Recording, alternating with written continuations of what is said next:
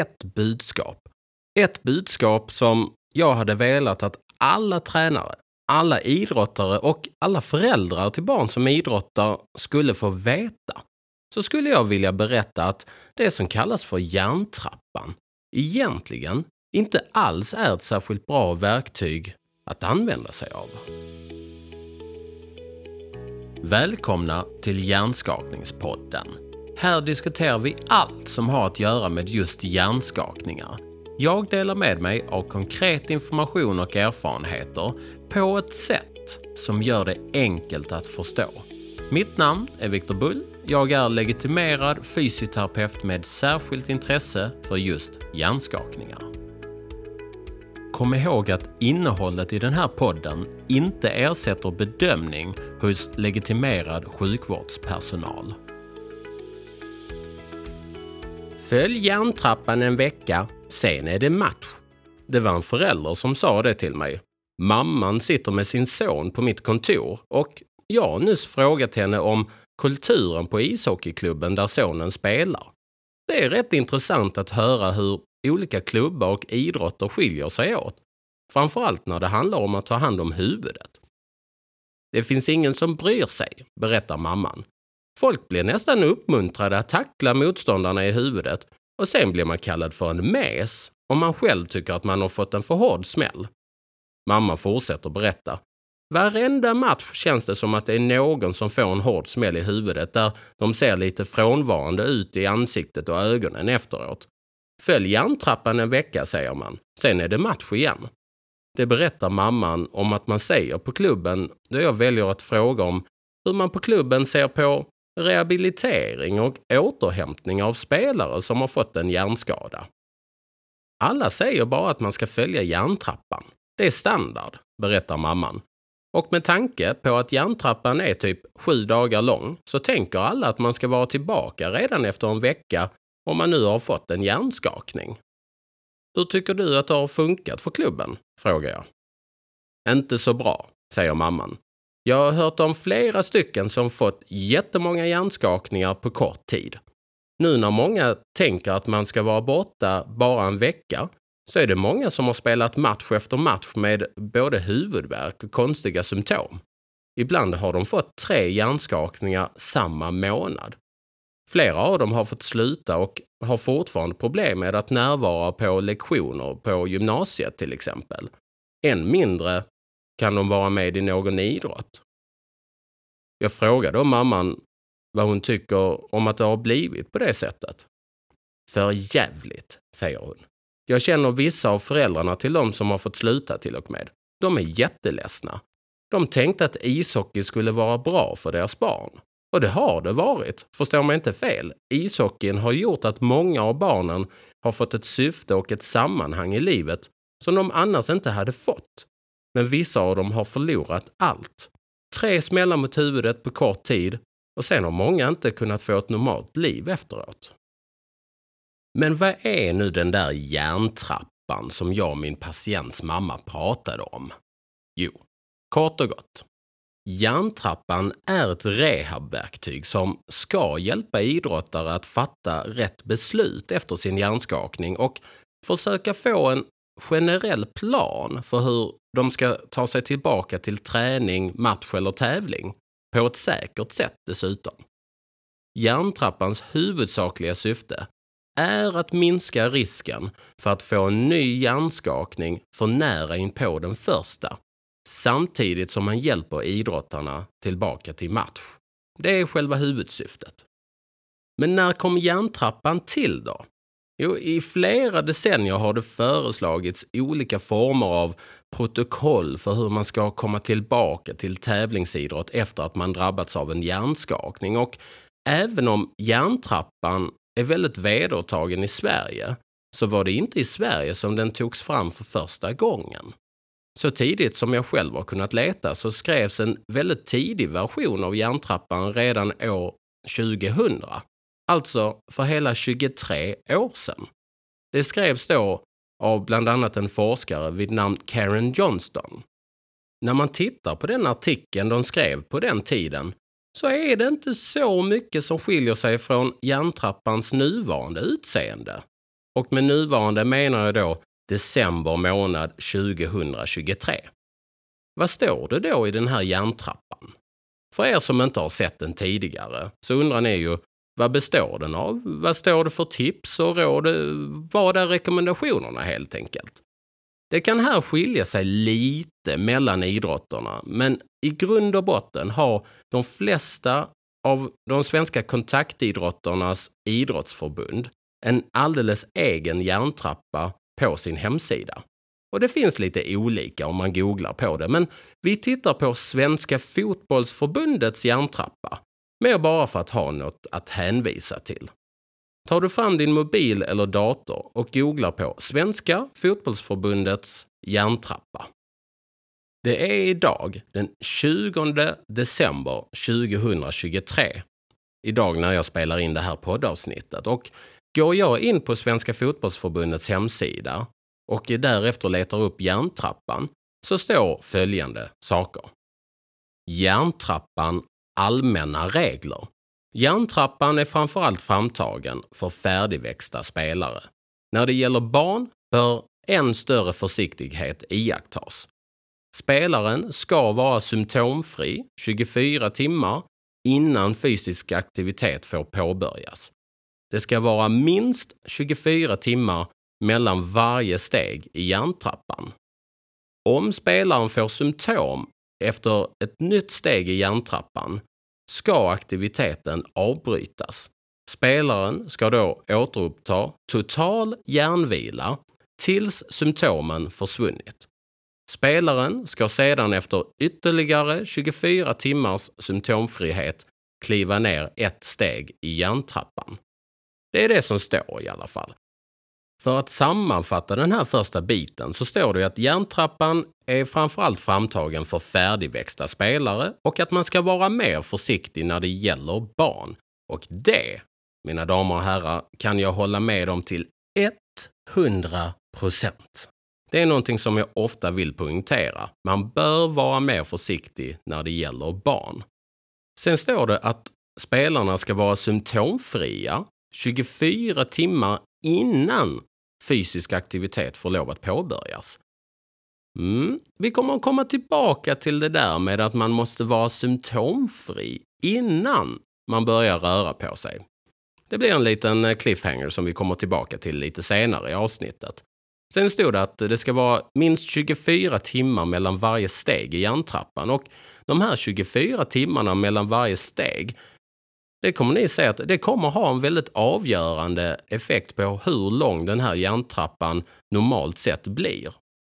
Och sen står det att om man får symptom efter ett nytt steg i hjärntrappan, då ska man avbryta aktiviteten med detsamma. Och sen ska man inte bara avbryta aktiviteten, man ska börja vila helt och hållet tills symptomen har försvunnit på nytt innan man får lov att börja röra sig igen. Även den punkten kommer jag vilja prata lite extra om längre fram i avsnittet. Men vi går vidare till det som är själva stegen i järntrappan. Och på Svenska fotbollsförbundets hemsida, som på många andra förbunds hemsidor, så står det att steg nummer ett, hjärnvila. Ingen aktivitet på det här steget. Total hjärnvila, det vill säga att spelaren inte ens ska titta på TV eller annan skärm. När personen varit symptomfri i 24 timmar fortsätter rehabiliteringen på steg 2. Det var steg nummer ett på hjärntrappan. Vi går vidare. Steg 2. Aerob träning. Promenader, cykling eller lätt jogging. Ansträngningskänslan ska vara lägre än citat något ansträngande. Slutcitat. Steg 3. Teknikträning. Nu växlar vi upp lite. Det står att personen får delta i lätt uppvärmning med övriga spelare i laget samt delta i teknik och passningsövningar utan kroppskontakt. Kom ihåg att eh, det, det, är fortfarande fotboll vi pratar om och det är därför de skriver in passningsövningar. På, på andra idrotters eh, förbundssidor så står det ju eh, rimligtvis lite andra typer av exempel på övningar som ska bedrivas. Men vi går vidare till steg nummer fyra. Där står det Träning utan kroppskontakt. Här tillåts personen träning med full belastning. Genom träningens upplägg undviks risksituationer som kan leda till kollision eller huvudskada. Nickövningar får introduceras stegvis. Tänk på att målvakter är mer utsatta vid steg 4 under avslutsövningar än övriga spelare.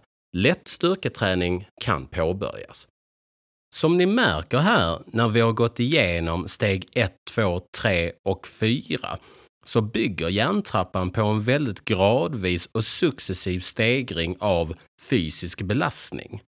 Och eh, vi har ju kommit så långt att vi ska gå över på steg nummer 5 i hjärntrappan. Och på det steget så står det Personen får delta fullt ut i lagets normala träningar. Och steg nummer 6 kan ni säkert gissa, återgång till match. Spelaren är här helt symptomfri och kan återgå till matchspel. Om möjligt bör beslutet tas av medicinsk personal. Och det tycker jag är jättebra.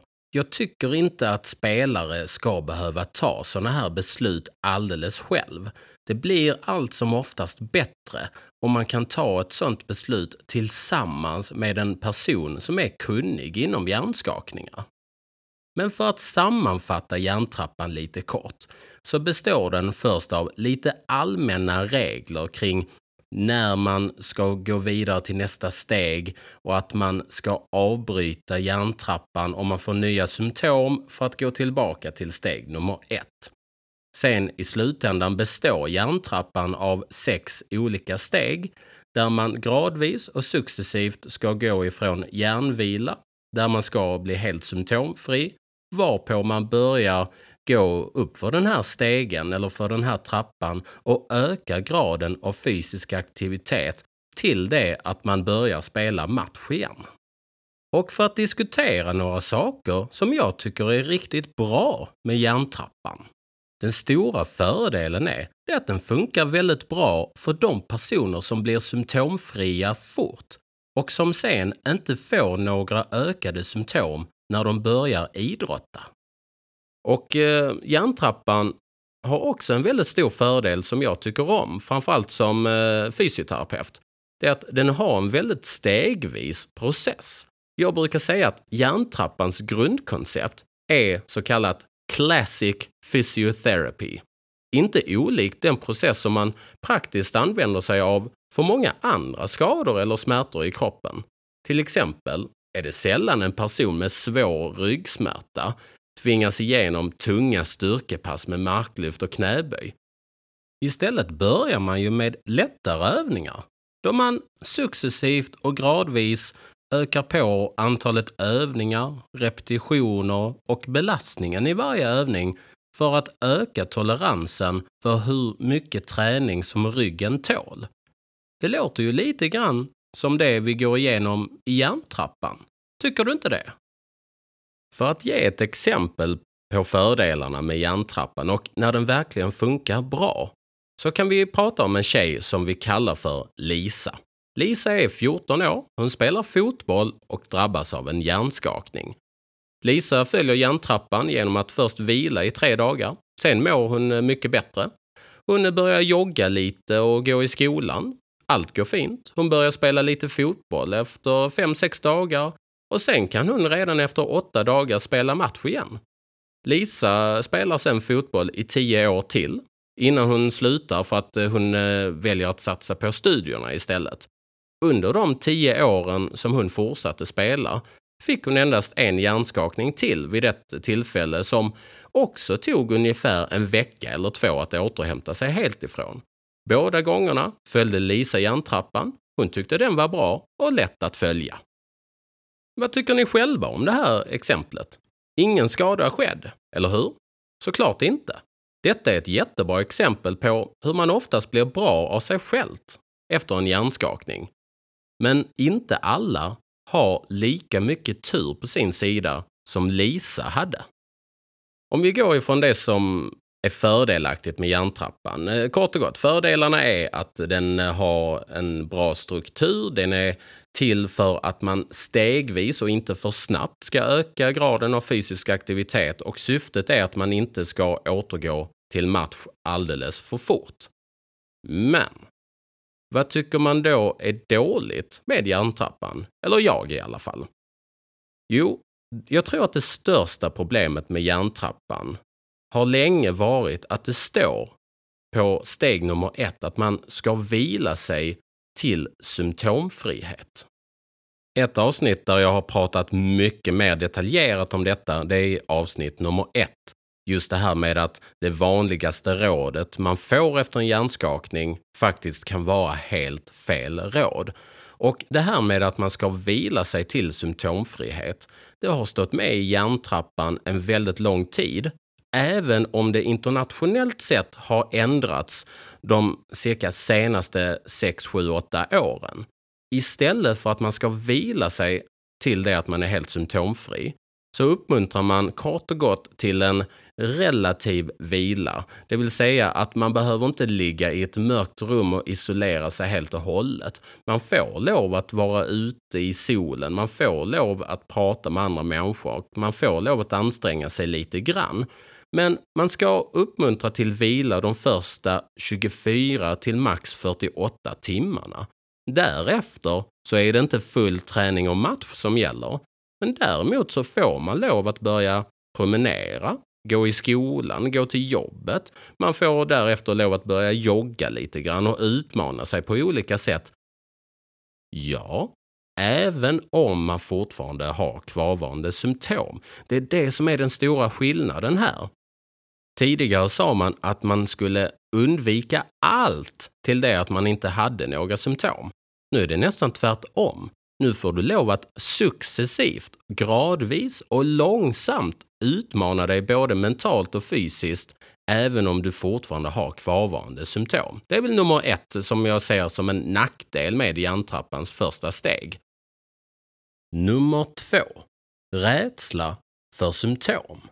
Om man går tillbaka och tittar på de här olika allmänna reglerna som finns för hjärntrappan på Svenska fotbollsförbundets hemsida så står det att om spelaren får symptom efter ett nytt steg i hjärntrappan ska aktiviteten avbrytas. Man ska då återuppta total hjärnvila till symptomen försvunnit. Om ni läser detta, hur tolkar ni det då? Jag kan berätta hur jag tolkar det. Jag hade tolkat det som att symptom är dåligt. Eller hur? Man kan ju inte tolka det på något annat vis. För att om man nu har blivit symptomfri och man börjar röra på sig, idrotta eller bara gå en enkel promenad och symptomen kommer tillbaka, ja, då måste man ju avbryta den aktiviteten och vila på nytt. Om man då tar en eh, 14-årig spelare som eh, Lisa, som vi hade som exempel innan, men vi kallar den här spelaren för Elsa. Elsa får också en hjärnskakning, precis som Lisa. Men till skillnad från Lisa så kommer Elsa inte bli helt bra lika snabbt. Hon måste vila väldigt länge för att symptomen ska försvinna och en dag tycker hon sig må helt bra igen, uppfattar hon det som. Hon går då en promenad. Under den promenaden så kommer väldigt snabbt huvudvärk och yrselsymptom och liknande tillbaka och då blir Elsa väldigt besviken. Hon går hem och börjar vila på nytt. Efter två, tre dagar så mår hon lite bättre. Hon börjar då promenera igen, varpå symptomen åter kommer tillbaka precis som förra gången. Om man inte spontant blir bättre så finns det jättemånga idrottare som kan hamna i den här fällan. Att man börjar röra på sig, får nya symptom och då har man ju läst på instruktionerna för hjärntrappan att man måste börja vila igen. Man blir därmed rädd varenda gång man ska röra på sig. Man blir rädd för att man ska få nya symptom. Och nu en tredje punkt. En tredje punkt över nackdelarna med hjärntrappan, så som den finns beskriven på den här hemsidan, det är att hjärntrappan enligt mig finns det risk för att den är alldeles för kort. Och vad jag menar med det, det är att om en spelare nu blir helt symptomfri efter, låt oss säga, ett till två dygn därefter påbörjar steg nummer två på hjärntrappan och allting går som planerat. Man får inga symptomökningar överhuvudtaget trots att man gradvis och stegvis ökar mängden fysisk aktivitet. Och eh, man håller 24 timmar emellan varje steg på hjärntrappan. Och rätt som det är, efter bara sju eller åtta dagar, så är man tillbaka till full match. Det stora problemet med det är att även när man har blivit helt symptomfri så finns det en stor risk för att hjärnan ännu inte är helt återhämtad. Det betyder att även om man känner sig helt bra redan efter några dagar eller någon vecka eller två, så kan det fortfarande vara så att hjärnan på insidan av skallen genomgår en läkningsprocess. En läkningsprocess som inte alla känner av. Denna läkningsprocessen tar olika lång tid mellan olika personer och dessutom är man väldigt osäker för hur lång tid det tar för yngre barn. Och därför ska man vara extra försiktig när det gäller barn i den åldern. Men det stora budskapet från min sida är att bara för att du är symptomfri betyder det inte att hjärnan är 100% läkt. Alltså uppmuntrar jag väldigt, väldigt ofta att även om man blir symptomfri snabbt så ska man vara väldigt försiktig med hur snabbt man väljer att återgå till situationer där risken är hög för att man ska få nya smällar mot huvudet. För att sammanfatta så finns det ju alltså både för och nackdelar med hjärntrappan. Den stora fördelen tycker jag att eh, den funkar när den funkar. Om man blir symptomfri snabbt och man successivt och gradvis kan komma igång med fysisk aktivitet och man upplever inte att man får någon symptomökningar när man väl stegrar sin träning så funkar den jättebra. Jämför man med andra skador i kroppen så liknar den här stegvisa processen i hjärntrappan alla övriga rehabstrategier som vi har oavsett om det gäller knäskador, ryggsmärta eller axelskador och liknande. Däremot, trots fördelarna, så vill jag peka mot nackdelarna med hjärntrappan, för de tycker jag är ännu viktigare att ha koll på. Det här med att man ska vila sig till symptomfrihet, det är gammal fakta. Det är inte det som gäller. Man vilar de första 1-2 dygnen. Sen får man lov, om man nu kan, komma igång gradvis, sakta men långsamt med lite mer fysisk aktivitet och lite mer mental aktivitet. Sen vill jag också slå ett slag för den här rädslan för symptom. Jag tycker inte alls folk ska vara rädda för symptomen. Dessutom, när man väl rehabiliterar en hjärnskakning ska man veta att det är helt omöjligt att undvika symptom helt och hållet och det är inte heller nödvändigt. Symptom får man lov att tolerera lite grann. Man ska inte pressa sig allt för mycket, men man ska heller inte vara rädd för att utmana sig. Det är väl den korta sammanfattningen. Och nummer tre som jag tog upp innan, det här med längden på järntrappan, tror jag kan vara lite problematiskt. För jag säger inte att alla har den uppfattningen om att man ska vara tillbaka redan efter en vecka eller två efter att man har fått en hjärnskakning. Men tyvärr har jag fått höra den här historien från väldigt många unga idrottare där de berättar att det är kultur i klubben att efter en hjärnskakning så räknar man med att man ska vara tillbaka efter en till två veckor. Det är det som är det normala. Medan jag istället skulle säga att den här tiden från det att man drabbas av en hjärnskakning till det att man tillåts spela i högrisksituationer där man kan få nya smällar mot huvudet. Jag tycker att den tiden bör man förlänga och man bör vara extra försiktig med hur snabbt man faktiskt väljer att sätta tillbaka en spelare på match igen. Men om det nu finns så många nackdelar med järntrappan som jag säger, varför tycker då många att järntrappan funkar? Mm, Anledningen till varför jag tror att många gillar järntrappan, det är för att den är enkel att följa. Mm. Så länge spelaren snabbt börjar må bra, det vill säga. Om man däremot inte börjar må bra väldigt snabbt så fastnar man som sagt lätt på ett av stegen i järntrappan. Jag har hört idrottare som sagt att de har följt järntrappan men de kommer inte förbi exempelvis steg 4. De går upp på steg 4, får symptom, vilar, går upp på steg 3 och 4, får symptom igen, vilar etc. Allt som är enkelt är inte alltid bra. Hjärntrappan kan räcka gott och väl för många, men absolut inte för alla. Vad ska man då göra istället för hjärntrappan? Sammanfattningsvis. Efter en hjärnskakning så ska man givetvis bli undersökt för att någon medicinskt kunnig personal ska kunna utesluta att det är någonting annat än en hjärnskakning. Det är väl nummer ett. Vad man sedan gör det är att man har 24 till 48 timmar så kallat relativ vila. Och jag pratar ganska mycket om detta i avsnitt nummer ett om ni skulle vilja lyssna mer kring vad man gör under den vilan. Men kort vila på ett till två dygn. Därefter ska man ha en successiv stegring av både mental och fysisk aktivitet. Här måste man individualisera för det kommer inte vara exakt samma för alla individer. Vad man dock ska poängtera det är att man inte ska vara rädd för symptom. Du behöver inte backa bara för att du fått en symptomökning. Man får lov att fortsätta vara både fysiskt och mentalt aktiv även när symptomen ökar. Men man brukar inte rekommendera att man ska pusha det allt för mycket, men inte heller vara rädd för det.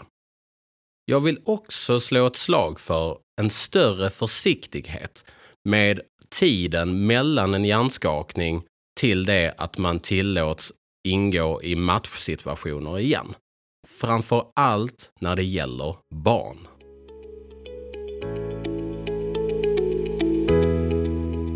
Och en fråga som jag ofta ställer mig själv, det är varför är det så svårt för vissa att hålla tillbaka sina spelare mer än bara en till två veckor? Varför är det så att vissa klubbar har en kultur, att spelarna vittnar om en kultur där de oftast uppmanas att komma tillbaka väldigt fort efter en hjärnskakning. Det kan ju vara att de kanske har vant sig vid eh, hjärntrappan eller de har vant sig vid att det ska vara bara en till två veckor, att det är det som har varit normen och att det är den kulturen som har vuxit fram. En anledning tror jag kan vara att hjärnskakningar syns ju inte. Det är lätt att se brutna ben och svullnader på fötter eller armar. Men hjärnan kan man inte se från utsidan och nej, tyvärr så syns inte hjärnskakningar på traditionella röntgenapparater eller liknande. En anledning kan vara att man, man förstår inte att hjärnans återhämtning kan ta längre tid än vad det tar för symptomen att försvinna. Man antar kanske att bara för att man mår bra, då är hjärnan 100% frisk igen. Man kan alltså känna sig helt frisk och börja spela match redan två veckor efter en hjärnskakning men man är helt ovetandes om att hjärnan fortfarande kanske inte är helt färdigläkt och att ytterligare en smäll mot huvudet för nära inpå den första potentiellt kan ge en ännu värre skada. Och med det vill jag tacka för att ni har lyssnat. Läs mer om hjärnskakningar inne på www.fysiohjärnskakning.se Följ även Fysio hjärnskakning på både Instagram, TikTok, Facebook och Youtube för att ta del av mer content. Gilla jättegärna inläggen, kommentera givetvis och skriv såklart frågor så ses vi igen i nästa avsnitt.